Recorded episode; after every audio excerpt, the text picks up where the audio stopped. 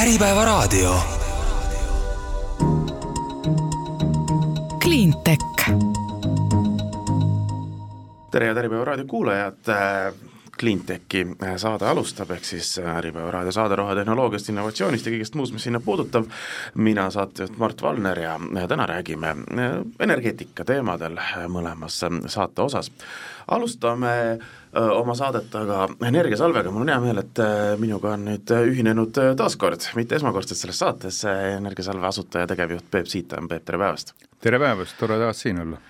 Tore, et sa tulid jälle. ma tean, et oled kaugelt tulnud, alustaks võib-olla nendest teemadest, kliimakonverents COP kakskümmend kaheksa, salvestame siin neljapäev, neljateistkümnes detsember on värskelt lõppenud, tulemid noh, keda, keda nüüd võtta, kas on, on head või, või täiesti läbi kukkunud, sõltub, missugust pressiteadet täpsemalt ajakirjanikuna uskuda, aga, aga noh, Energiasalv oli iseenesest kopil kohal ja kui me sellest kopi suurematest tulemitest võime natuke rääkida, räägime nendest väiksematest, te korraldasite kolm arutelu seal, mis tegite, kuidas oli?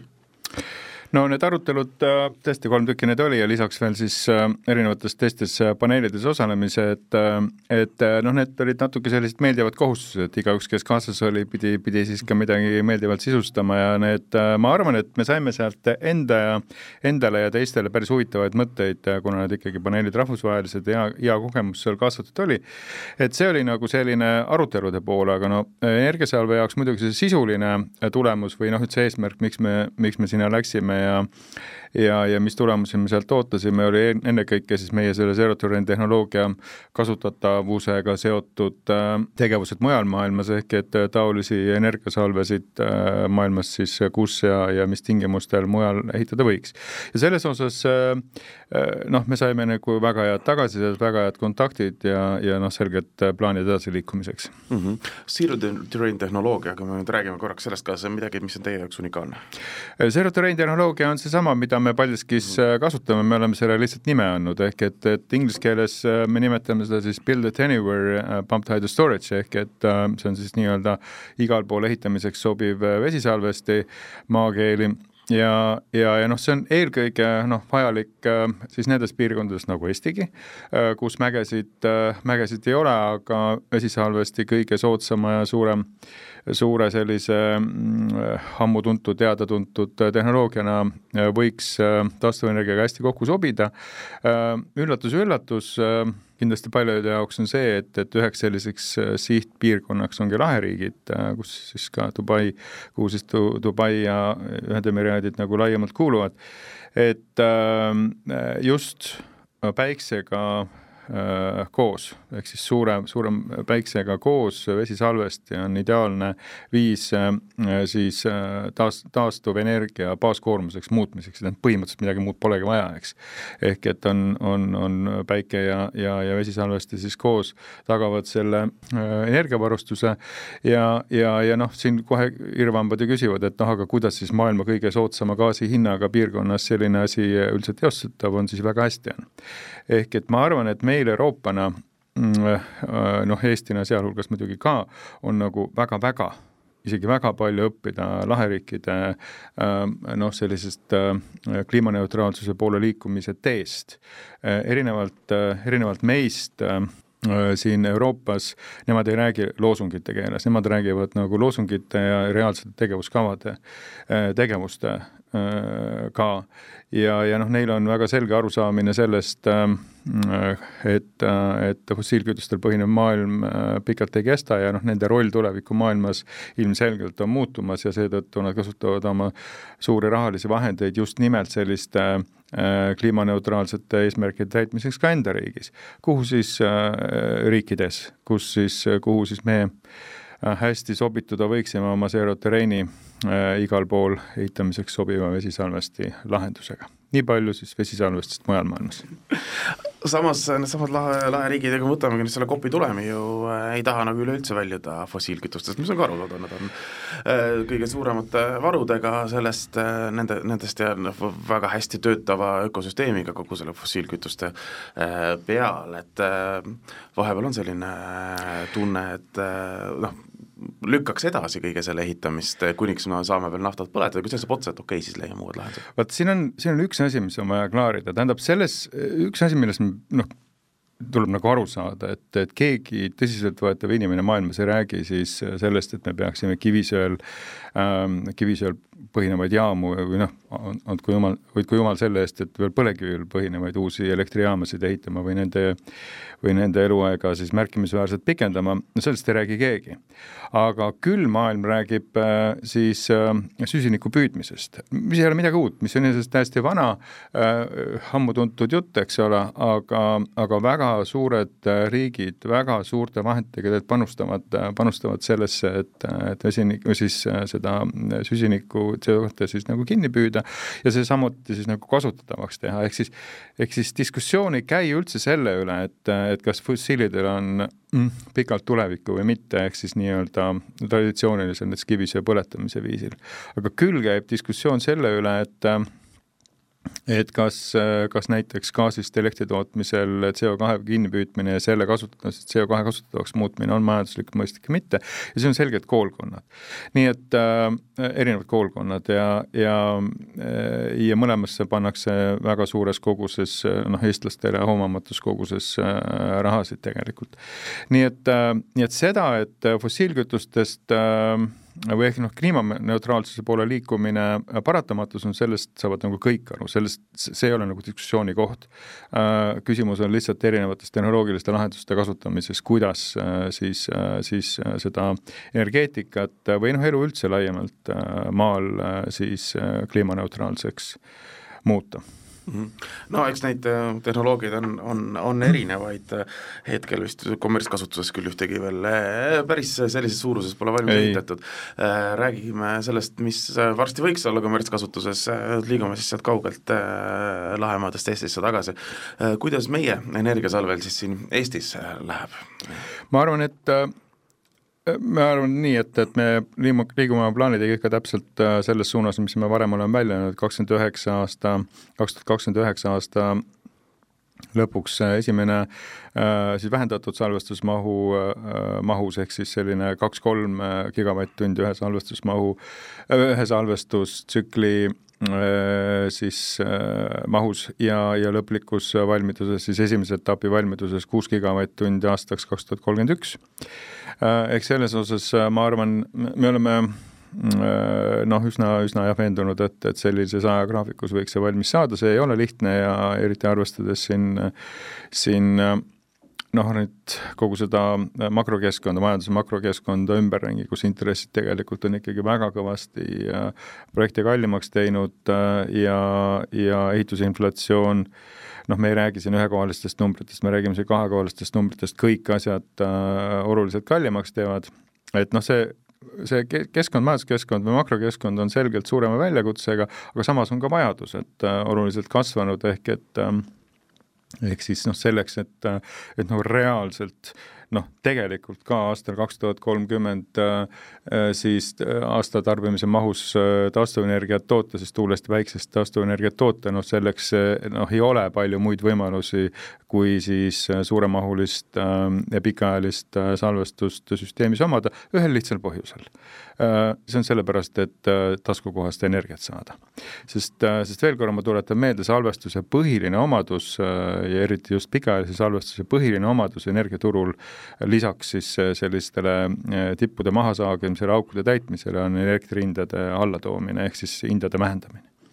Nii et äh, meil palju varianteid, variante ei ole, me võime siin peitust mängida ühel, teisel või kolmandal viisil, eks ole, ma ei tea, peitusmänge on ka erinevaid, aga päeva lõpuks lõpptulemus on teada mm. -hmm. et me võime ju toota, me võime tootmist juurde teha ja juurde panna, aga siis me ikkagi talve läbi ostame sisse, eks ole. suvel toodame üle ja talvel ostame sisse. üks asi on, talvel ostame sisse, me ostame sisse isegi suvel, äh, siis kui tuul ei puhu ja päike ei paista ja, ja maksame selle eest äh, mitmekordset hinda võrreldes sellega, mida salvestus suudaks pakkuda. Ähm, ja, ja teine asi on, äh, mida me ka noh, üsna vähe rääkinud oleme, mis üldsegi vähetähtis ei ole, on see, et, et kui suuremahulise päikse ja, ja tuuleenergia puhul äh, siis seda teevad ju kõik riigid, eks ole, ja, ja, ja siis, kui seda päikest ja tuult on meie piirkonnas, siis seda paraku on, seda on kõigis ja vastupidi, kui ei ole, siis ei ole kuskil väga palju, mis tähendab seda, et äh, me peame ka seda ületoodetud elektrit siis kuskile nagu panema ja, ja kui seal kaks varianti on, üks on variant on see, et ilma rahata kellelegi ära anda, või teine variant on äh, siis maha piirata, piirata need tootmisvõimsused, mis mõlemad on noh, nii-öelda investeeringu tasuvuse või, või üleüldse mm, rahva kasu äh, seisukohast täiesti noh, mõttetud rumalad nagu tegevused ja salvestus tegelikult äh, siin on just see vahend, mis äh, selle ületoodetud justkui kasutu energia siis just vajalikul hetkel kasutatavaks muudab mm. -hmm. see kõlab väga loogiliselt, see kõik nõuab raha, see nõuab pikas perspektiivis raha ja need peavad olema meie prioriteedid, et me ehitame salvestusvõimekust, ega see üks Jaan Paldiskis ei saa olla nagu ju ka äh, lõpptulemusena ainuke meie salvestusvõimekus Eestis, eks ole, aga äh, kui me võtame poliitilise prioriteedi, et me tahame liikuda taastuvenergiale, me tahame kaks tuhat kolmkümmend, et meil on nii suured juba võimsused ja me tahame selle suure aasta, suure tõenäosusega mõni aasta pärast seda ka stabiliseerida, eks ole, äh, samal ajal me nüüd kaks tuhat kakskümmend neli suure tõenäosusega otsustame, kas me paneme suure osa oma energeetikaressursist tuumajaama ehitamisse kas äh, need, äh, ehk siis minu teatud küsimus on selline, missugune see meie tuleviku energiamiks on, kas äh, see, me katame selle ära salvestuse ja taastuva energiaga, me jätaks välja selle, et ühel hetkel me lõpetame selle põlevkivi, põlevkivile peale maksmise ära, eks ole, suure tõenäosusega, et selle jätaks, jätaks nagu kõrvale, et kas meie see tuleviku on puhtalt taastuvenergia peal, kas see on tehtav, kas me suudame salvestada? jätaks selle põlevkivi jah, siin kõrvale, sest, sest ükski mõistlik inimene tegelikult selle peale tõsiselt ei mõtle, see on kõige kallim ja, ja kõige reostavam viis üleüldse energiat toota, nii et jätaks selle põlevkivi põletamise äh, ka varustuskindluse tagamise seisukohast täiesti kõrvale. sest muud vahendid, lihtsalt äh, muud lahendused on selgelt äh, odavamad ja paremad. aga nüüd see salvestus ja, ja taastuvenergia muidugi kataksid äh, suure osa äh, noh, ütleme siis nii, et ülivaldava osa äh, siis Eesti tarbimisest ära, tõsi, meil jääb puudu äh, siis nii-öelda circa noh, ütleme sellise kahesaja tunni ulatuses aastas, võib-olla kakssada viiskümmend tundi sellist aega, kus salvestus on tühi ja ja, ja, ja, ja tuult ja päikest ei ole ja, ja selle otstarbel on siis noh, põhimõtteliselt kaks varianti, kas siis biogaasil põhinev tipu, tipuvõimsus või loota siis tõesti naabrite heatahtlikkusele, äh, mis ma arvan, ei ole hea plaan. Ähm, ehk et äh, suures plaanis kodumaiste ressurssidega tuul, biogaas ja salvestus, me saame selle, selle nii-öelda taastuvenergia miksi päris, päris kindlasti äh, kokku joonistada see on puhtalt valikute küsimus, nüüd tuumajaamast. Noh, samal COP-i ajal ju tegelikult seal Dubais toimunud COP-i ajal kakskümmend kaks riiki tegelikult leppisid kokku sellistes ühistes tegevustes siis sellise tuumarenessansi äh, projektina, eks ole, ehk et siis kakskümmend kaks riiki ütles, et nemad teevad äh,, teevad siis nii-öelda kliimaeesmärkide saa-, saavutamiseks äh, koostööd just tuuma, tuumaenergeetika vallas. ja noh, tuumaenergeetikast rääkides on, on, on vaja selgeks saada nagu noh, aru saada kahest olulisest asjast. esiteks äh, tänase tehnoloogia, äh, tänase tehnoloogia põhjal äh, on ta kõige kallim viis üleüldse energiat toota siis uuest, uutest äh, siis elektrijaamadest, noh ilmselgelt on ta kõige kallim, kes ei usu, võib võtta näiteks ette Lasardi kõige viimase analüüsi erinevate siis energiatootmisvaldkondade võrdluses ja, ja, ja sealt endale vastuseid saada, kui tuumaenergia muutub noh, märkimisväärselt odavamaks, noh, erinevate tehnoloogiliste arenduste tõttu, mis tegelikult ju maailmas toimuvad, äh, siis tuumaenergial on kindlasti koht tuleviku äh, miksis, nii-öelda just selle kliimaneutraalse mm, äh, tulevenergeetika miksis, aga siin, aga nüüd on oluline nagu teine asi, et, et tuumaenergia rohke taastuvenergiaga süsteemis on äärmiselt ebamugavas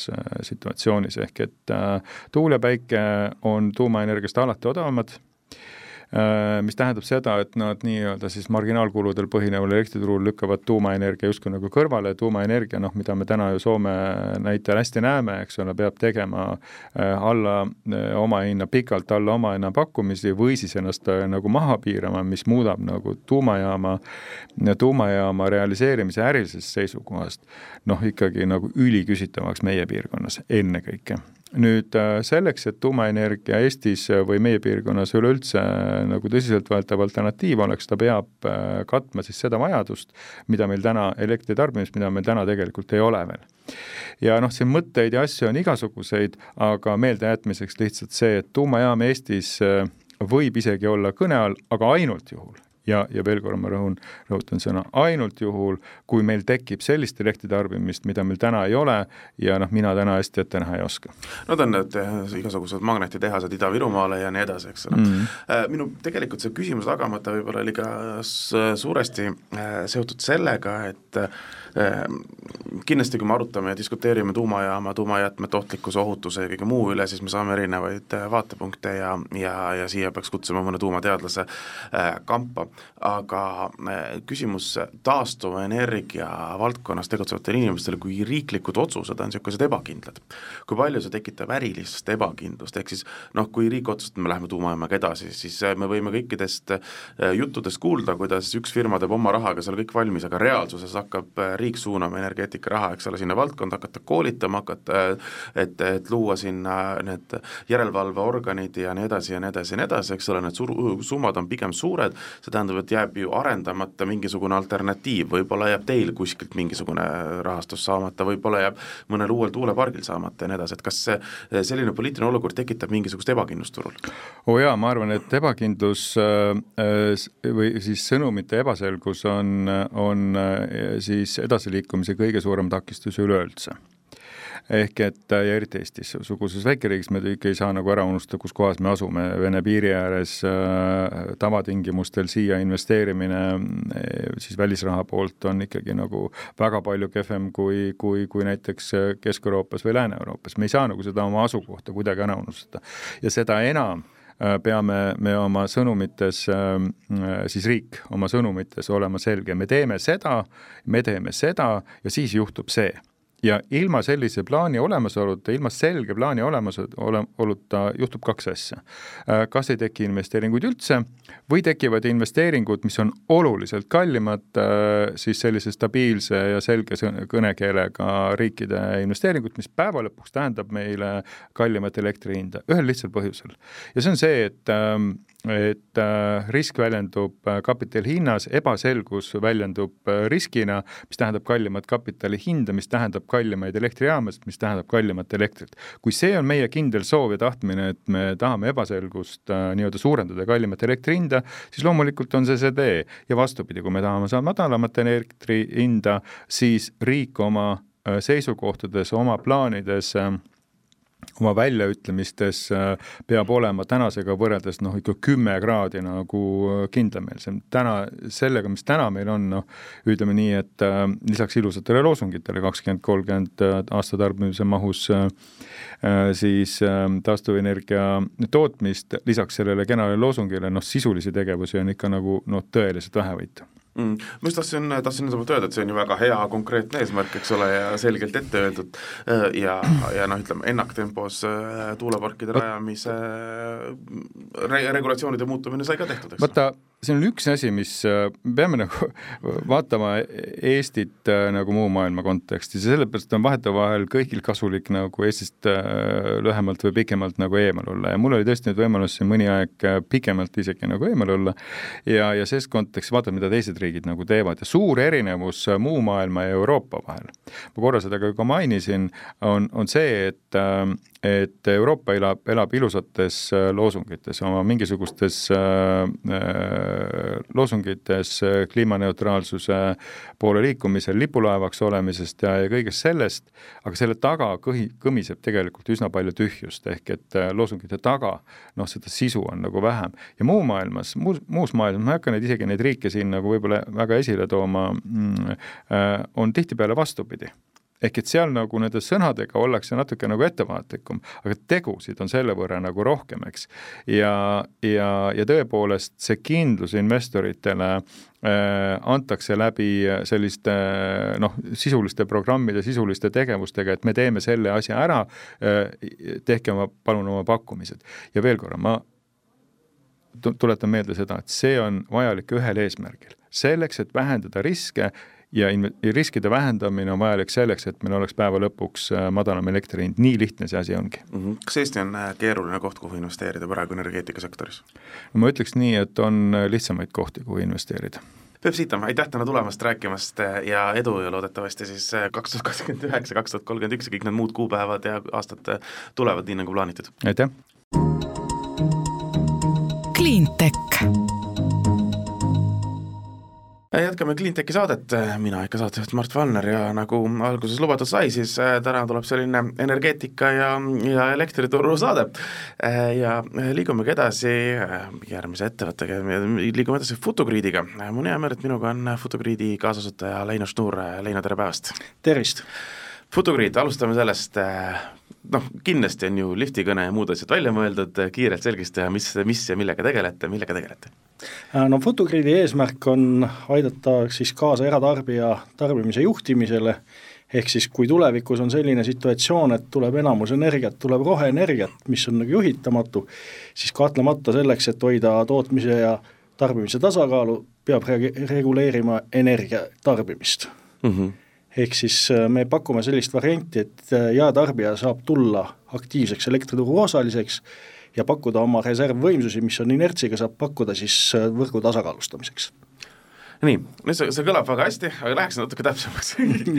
Eh, mida see siis endast eh, kujutab, ehk siis eh, kui meil on, kui, kui me alguses, eelmises saate osas rääkisime, eks ole, suurtest salvestistest, mis kindlasti suur salvestustehnoloogia, näiteks seesama energiasalv, eks ole, peaks reguleerima suure sellise turu kõikumise ära taastuvenergia puhul, eks ole, no kui tuult ei ole, päikest ei puhu, siis suur osa energiat on sinna salvestatud aga selliste kiiremate kõikumiste puhul või siis, siis tulete teie mängu? Äh, no ühesõnaga, meie oleme ju oma süsteemi välja kujundanud niimoodi, et me suudame kõige kiiremaid reserve pakkuda, et see on siis, kui me nüüd lähme tehnilistesse terminitesse, on AFRR või siis Automatic Frequency Restoration Reserve, ehk see peab reageerima kolmekümne sekundi jooksul ja peab siis olema kasutatav kuni viisteist minutit. ehk siis põhimõtteliselt äh, kogu siis selline lülituste toimimine on täisautomaatne, toimub hästi kiiresti, et sel hetkel, kui Eleringi äh, süsteem on tuvastanud tarbimise, tootmise ebabilansi, saadetakse signaal välja ja meie reageerime koheselt, lülitades välja siis vastavaid tarbijaseadmeid või lülitades neid sisse mm. -hmm. et selles mõttes tegelikult Energiasalv ja meie oleme selles mõttes konkurendid, et ka nemad on üsna kiiresti võimelised lülitama seda ainus vahe, mis on, on see, et vot energiasalved, akupangad, kõik need asjad tuleb ehitada. meie kasutame asju, mis on juba olemas. ehk siis äh, tarbimisseadmed, mis on inimestel olemas, elektritarbijad, mis on teatava inertsiga. seal on, ütleme, põrandakütted, soojuspumbad, soojavee tootmine boileritega, ventilatsioon, kõik sellised seadmed, mida saab nagu viieteistkümneks minutiks välja lülitada niimoodi, et inimene nagu mugavuses mitte midagi ei kaota, et ta ei pane isegi tähele seda mm. -hmm. Ma eeldan, et see tähendab siis selle jaoks, et minu, et minu seade oleks nii-öelda teie võrgus, äh, ma äh, suure tõenäosusega ei tõmba alla mitte lihtsalt oma telefoni äppi ja ütle, et jah, vaid sinna oleks vaja ikka juppi. jah, just nimelt, et me oleme ka välja töötanud ütleme siis sellistele rumalamatele seadmetele, me alustasimegi veeboilerid, mis olid täiesti rumalad seadmed, kus on nagu on ja off ja ja kas töötab täisvõimsusel või ei tööta üldse ja mingit tarkust seal eriti ei ole, isegi nendes nutiboilerites mitte, mitte väga palju võrreldes nagu kliimaautomaatiga või selliste asjadega. et me töötasime välja ka seadme, millega on võimalik seda siis juhtida.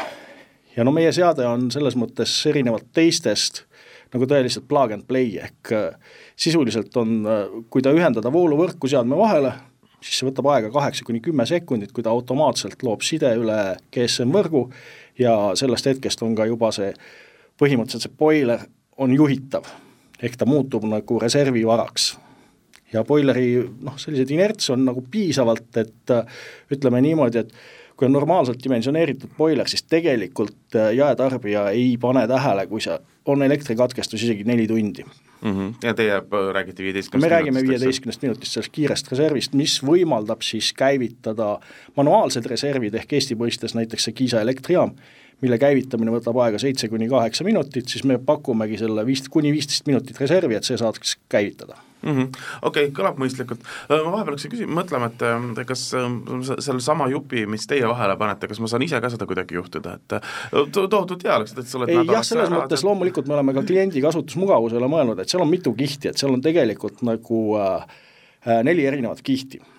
et esimene kiht on siis sagedusreservide turg, mis on nagu primaarne, noh, nagu Eleringi kavandatavast hankest näha on, et siis tegelikult kiireid sagedusreserve on Eestis puudu järgmine asi, mida saab sellega juhtida, on äh, need pudelikaelad, mis on tekkinud nagu päiksepaneelide paigaldamisest, ehk tihtipeale, kui inimene soovib panna päiksepaneele, siis äh, tuleb Elektrilevi poolt vastus, et jah, ega investeering on alajaama mingi miljon või poolteist või et palun, et võite oma viis kilovatti panna, aga pange siia viis miljonit juurde et, et noh, see ei ole nagu kuidagi, kuidagi väga mugav. Ja ütleme siis niimoodi, et me pakume ka seda võimalust, et me saame, ütleme, millest tuleb see päiksepaneeli piirang, on siis see, et teatud tundidel, kui päike eredalt paistab ja tarbimine selle alajaama piirkonnas on vähe, väikene, siis kogu see alajaama piirkonnas olevate päikesepaneelide toodang ületab seal tarbimise ja tekib alajaama suhtes nagu põhivõrgu mõttes eksport, mis äh, muutub siis ohtlikuks ja põhimõtteliselt põhivõrk ei suuda seda vastu võtta. ja nüüd põhi, on võimalus siis see, et kas tugevdada alajaama, siis tugevdada võrke, või siis lihtsalt nendel mõnedel üksikutel tundidel piirata tootmist. või siis suurendada tarbimist, see on kaks nagu erinevat võimalust selles samas piirkonnas. et koondame, põhimõtteliselt piltlikult koondame siis kogu inertsiga tarbimise selleks hetkeks kokku, kui päike paistab ja see inimene saab panna oma päiksepaneelid ilma probleemideta mm. -hmm. see on nüüd nagu teine kiht. kolmas kiht on siis see, kus äh, on võimalik äh, bilansihalduril või elektrimüüjal, elektrimüüja alati ostab tunnis mingi koguse elektrit ja müüb tunnis mingi koguse elektrit. et temal on nagu see võimekus, et kui ta näeb, et tunni sees prognoos läks natukene läks nihu, noh alati läheb natukene nihu, päris täpseid prognoose ei suuda teha, siis temal on võimalik endaga liitunud tarbijatel muuta tarbimist, et saada see ebabilanss paika, et mitte osta kallist bilansi energiat Eleringi käest. ja siis tuleb neljas kiht, mis on tarbijale kõige magusam. et juhul, kui sul on börsipakett, siis alati, ma garanteerin, alati on see, et sa käid hommikul kell kaheksa duši all ja su soojavee tarbimine hakkab kell kaheksa, kui on tipuhind. Et meie pakume siis selle variandi välja, et me lülitame selleks hetkeks boileri välja ja alati lõunaaeg on selline nagu madalam lahukoht, et me soojendame selle vee üles lõuna ajal ja täpselt samamoodi, kui õhtul on nagu äh, suur tarbimine, on tipuhind jällegi, ta tahab hakata tööle, ei, aga me teeme öösel kella kahe-kolme aega seda sooja vett, ehk siis inimene saab säästa ja sõltuvalt siis nagu seadmest, kuni nelikümmend protsenti on see boileri soojavee puhul on see tarbimine võimalik nagu parandada. Või vabandust mm, -hmm. mitte parandada, vaid odavamaks muuta, selles mõttes me ei säästa elektrit, me lihtsalt mm -hmm. tarbime odavamal ajal seda kui suurtest kogustest me nüüd räägime, kui te tahategi reaalselt pakkuda ikkagi ju noh, elektrivõrgu stabiliseerimisteenust põhimõtteliselt, siis noh, see noh, minul naabril ja, ja ülejäänud on ka, eks ole, noh, üks spoiler, et me ei, me ei stabiliseeri midagi. väga palju ja ütleme, see ongi see, et jaetarbijale tegelikult ütleme, see Eh, nagu selle võrgu stabiliseerimise turul isiklikult osalemine ei ole nagu mingit pidi kasumlik, et nad on lihtsalt nii väiksed võimsused, aga samas, kui see kõik kokku korjata, et eh, noh, me, meie oma äriplaanis baseerume TalTechi uuringul, siis põhimõtteliselt peaks olema puhtalt soojavee tootmisel Eestis reservi kuskil kuuskümmend megavatti ütleme nüüd võrrelda, et kuuskümmend megavatti, noh inimesel tavaliselt ei ütle see midagi. Needsamad Tallinna elektrijaamad, kaks tükki, mis väeos on, mõlemad on kakskümmend megavatti ehk üks kolmas juurde ja kui me suudame ainult soojavee, elektriga soojavee tootmise Eestis varustada nagu targa juhtimisega, me saame põhimõtteliselt reservvõimsused nagu kolm sellist elektrijaama. See on ju väga korralik juba Ja. see tähendab, aga siis see tähendab tõesti seda, et igas majas, kus on boiler, igas just, majas on ka see vahel. just, just. või siis teine variant on äh, lisada sinna muid seadmeid juurde, mis teeb peale boilerite veel? Äh, me saame juhtida soojuspumpasid, me saame juhtida akusid, me saame juhtida ventilatsiooni kõik sea-, kõik asjad, kus on nagu põhimõtteliselt on siis äh, elekter kas soojaks või külmaks. et need on inertsiga seadmed ja, ja nende juhtimise pealt on võimalik täiesti vabalt võib-olla see jahutus, meie portfellis on ka üks külmhoone, et, et ütleme, energiamuundus elektrist soojusenergiaks on alati nagu inertsiga mm. -hmm. no meil on äh, sarnaste äh, äh, lahendustega ettevõtteid Eestis äh, või mitmeid ka, eks ole, mis on. teil on see parem? No ala, alati võrreldakse meid Fuseboxiga yeah., selles mõttes ma külmhoone, külmhoonet mainides tahaks ka sinna kohe, kohe, kohe tuleb sinna, et äh, Fusebox äh, tegeleb äh, siis nagu nõks aeglasemal turul ehk manuaalsete reservide turul ja tema tegelebki äh, siis kommertsklientidega. Ehk miks siis nagu manuaalne ja miks kommertskliendid, kommertskliendid on loomulikult mugavamad, selles mõttes, et kui meie korjame äh, jaetarbijate puhul kilovati kaupa seda asja kokku, siis kommertsklientide puhul saab kümnete kilovattide, võib-olla isegi sadade kilovattidega kokku korjata. aga kommertsklientide probleem on see, et neid ei saa päris alati hetkeliselt lülitada. ehk seal on siis see viisteist minutit kuni äh, tund ajaperiood, eks seal on noh, ütleme, kujutate ette, et sul on mingi tööstusettevõte ja sa tõmb-, võtad sealt nagu mingi tarbimist tahad tõmmata nagu kolmekümne sekundiga, noh, tootmisprotsessid lähevad paigast ära. Teine asi on seesama, et noh, needsamad külmakompressorid, nende, need ei käi nipsust. vot kui me ütleme, räägime soojaveeboilerist, seda saab tõesti nipsust, et see on nagu sekund mm -hmm. kaks-kolm saab lülitada. külmakompressor võtab aega. et sa ei saa nagu nii kiiresti lülitada seda asja et, et see ongi nagu see, see meie vahe. et meie töötame automaatselt, otseselt, me oleme liidestatud Eleringi äh, operatsioon, no SCADA operatsioonisüsteem, mis nagu Eesti elektrivõrku juhib, sellega ühendatud, meil tuleb täiesti automaatne korraldus, seal ei ole mingit dispetšerit, mitte midagi sellist vahel mm. -hmm no me räägime nüüd üldse Eesti energia ja energia, energia tootmise tulevikust, eks ole, me räägime taastuvenergia plaanidest, kaks tuhat kolmkümmend on see aasta, kus äh, me tahame elektritarbimise, aastase elektritarbimise katta taastuvenergiaga, ehk siis äh, toota sama palju aastas, kui me tarbime, see kogu aeg ei kattu niikuinii. üks asi, mida on äh, ka väga palju, kui me räägime tuleviku taastuvenergiast ja, ja, ja sellest elektrienergia tarbimisest räägitud, on see, et okei okay,, et me, me praegu plaanime, kuidas me ära katame, aga et meie energiatarbimine ju kasvab kogu aeg. kas ütleme, sellised juhtimislahendused on siis see, et kuidas me saame ära hoida selle energia energiatarbimise kasvu teataval määral? Äh, juhtimislahendused kahjuks seda nagu energiatarbimise kasvu ei, ei saa ära hoida, nagu ma enne, enne mainisin, et me ei äh, la-, pane klienti vähem tarbima.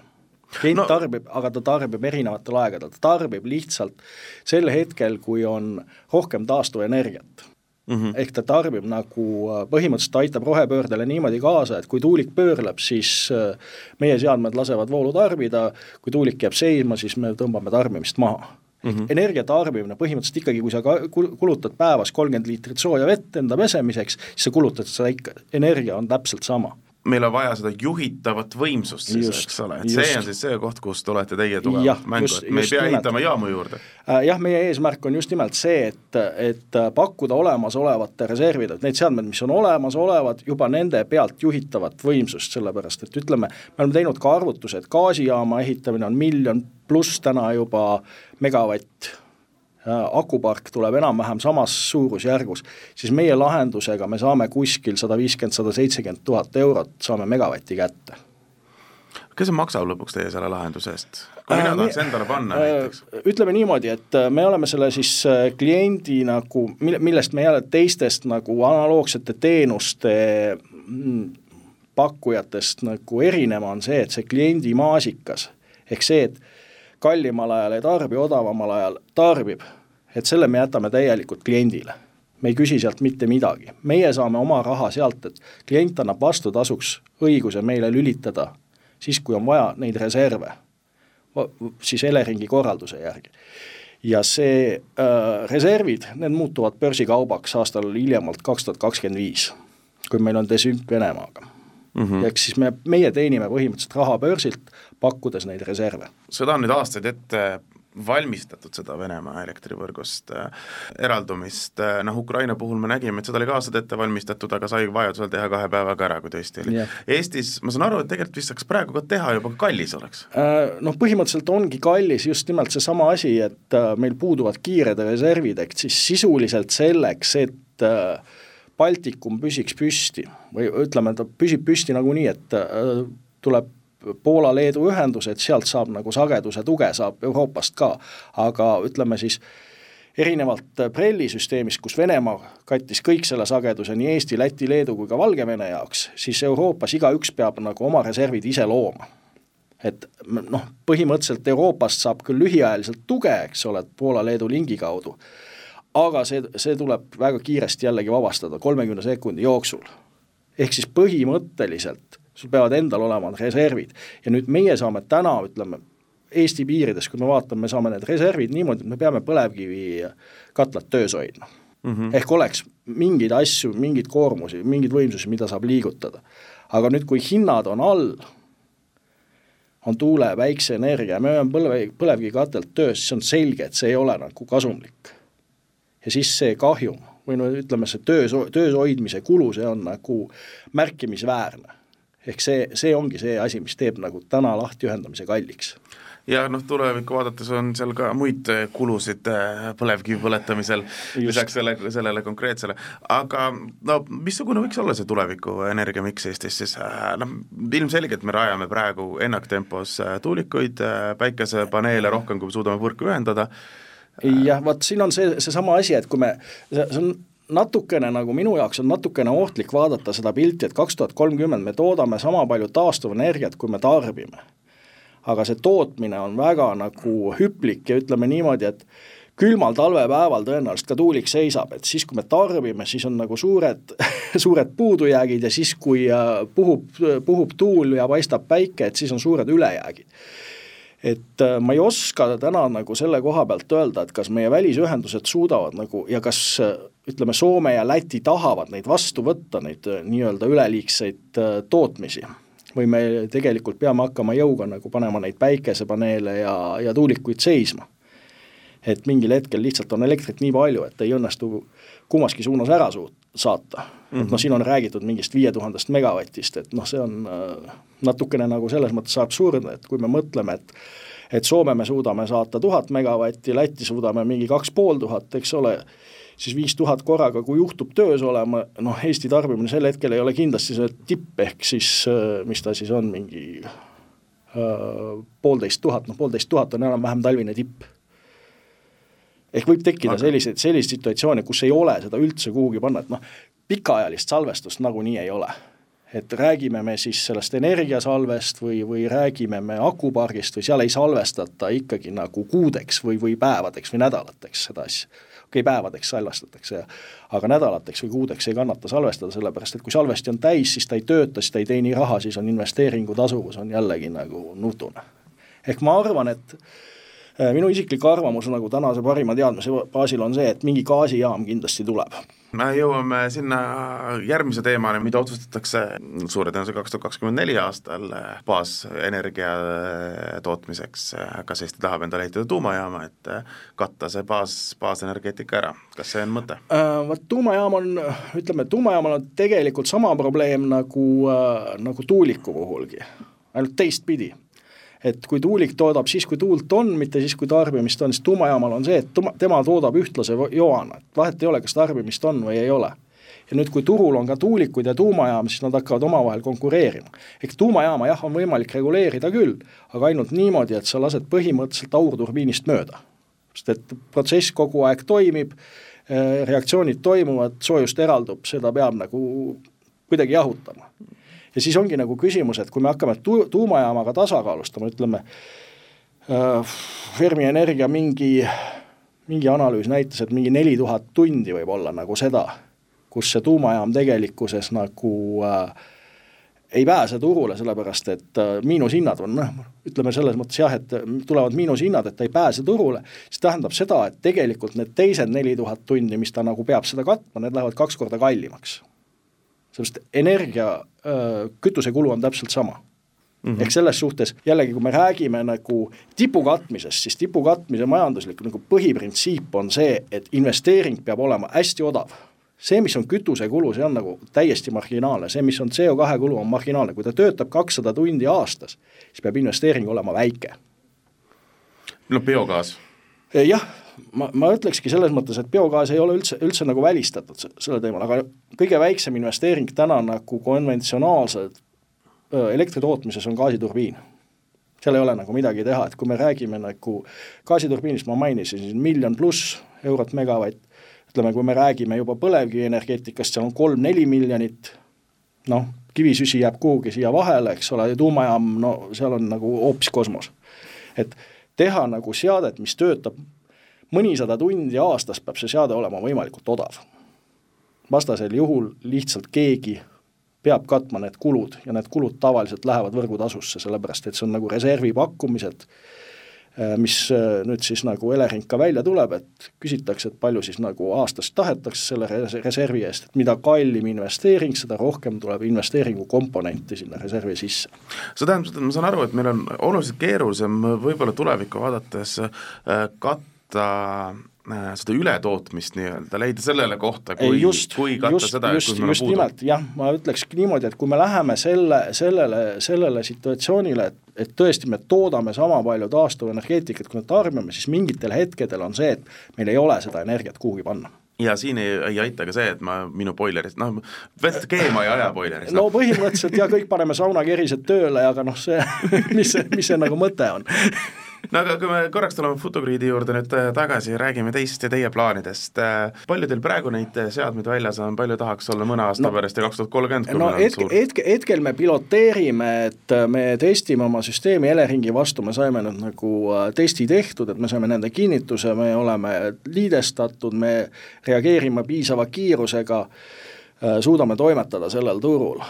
piloot, pilootseadmeid on praegu püsti kuskil sada viiskümmend noh, suurusjärgus ma võin öelda, et see on mingi pool megavatti tänase, tänase seisuga.